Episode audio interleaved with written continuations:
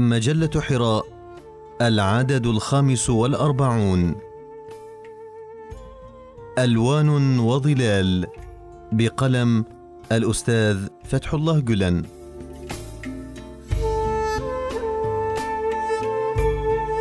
صورة بلا تعليق.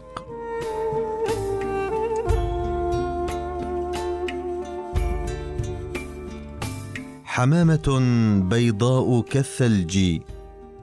رقيقة وادعة كالزهر وحولها شر وأشرار ومخلب وناب.